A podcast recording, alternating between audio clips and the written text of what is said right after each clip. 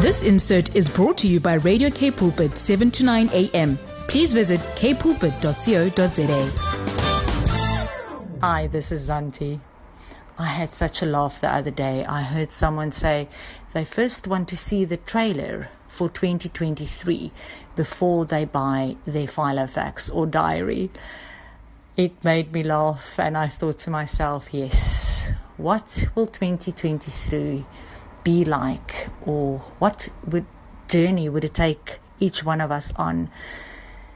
And I think when you don't know the Lord, when you are not born again and you don't know God's heart for you and dreams for you, it is a scary place. And I would also first want to see that trailer.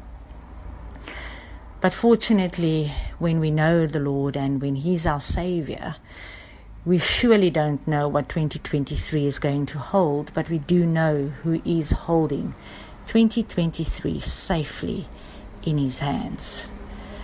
My message for you and for me for this new year is just the following that we would go into it calmly, not in a rush that we would leave our wounds and our scars of 2022 behind, ask God to heal all our wounds, and go into a new year with hope and trust in the one who knows it all. You see, because barely the day starts and it's already six in the evening. Barely arrives a Monday and it's already Friday and the month is already over, and the year almost over. And already 40, 50, and 60 years of our lives has passed.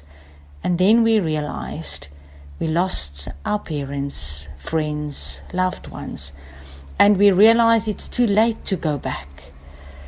So let's try, despite everything, to enjoy 2023. Let's keep looking for activities that we like Let's put some color in our gray. Let's smile at the little things in life that put balm on our hearts.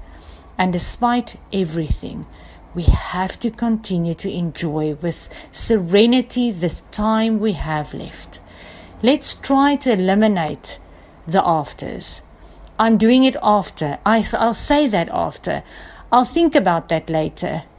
We leave everything for later like after is ours.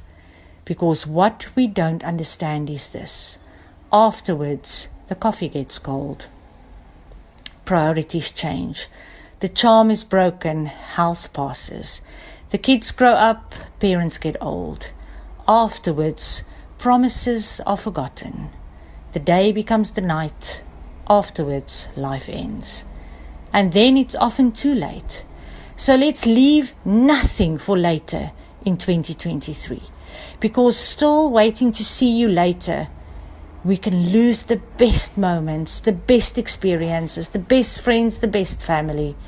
So in 2023, the day will always be today.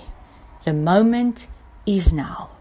Let 2023 leave no stone unturned to become everything God has called us to be. This insert was brought to you by Radio K Pulpit, 7 to 9 a.m. Please visit kpulpit.co.za.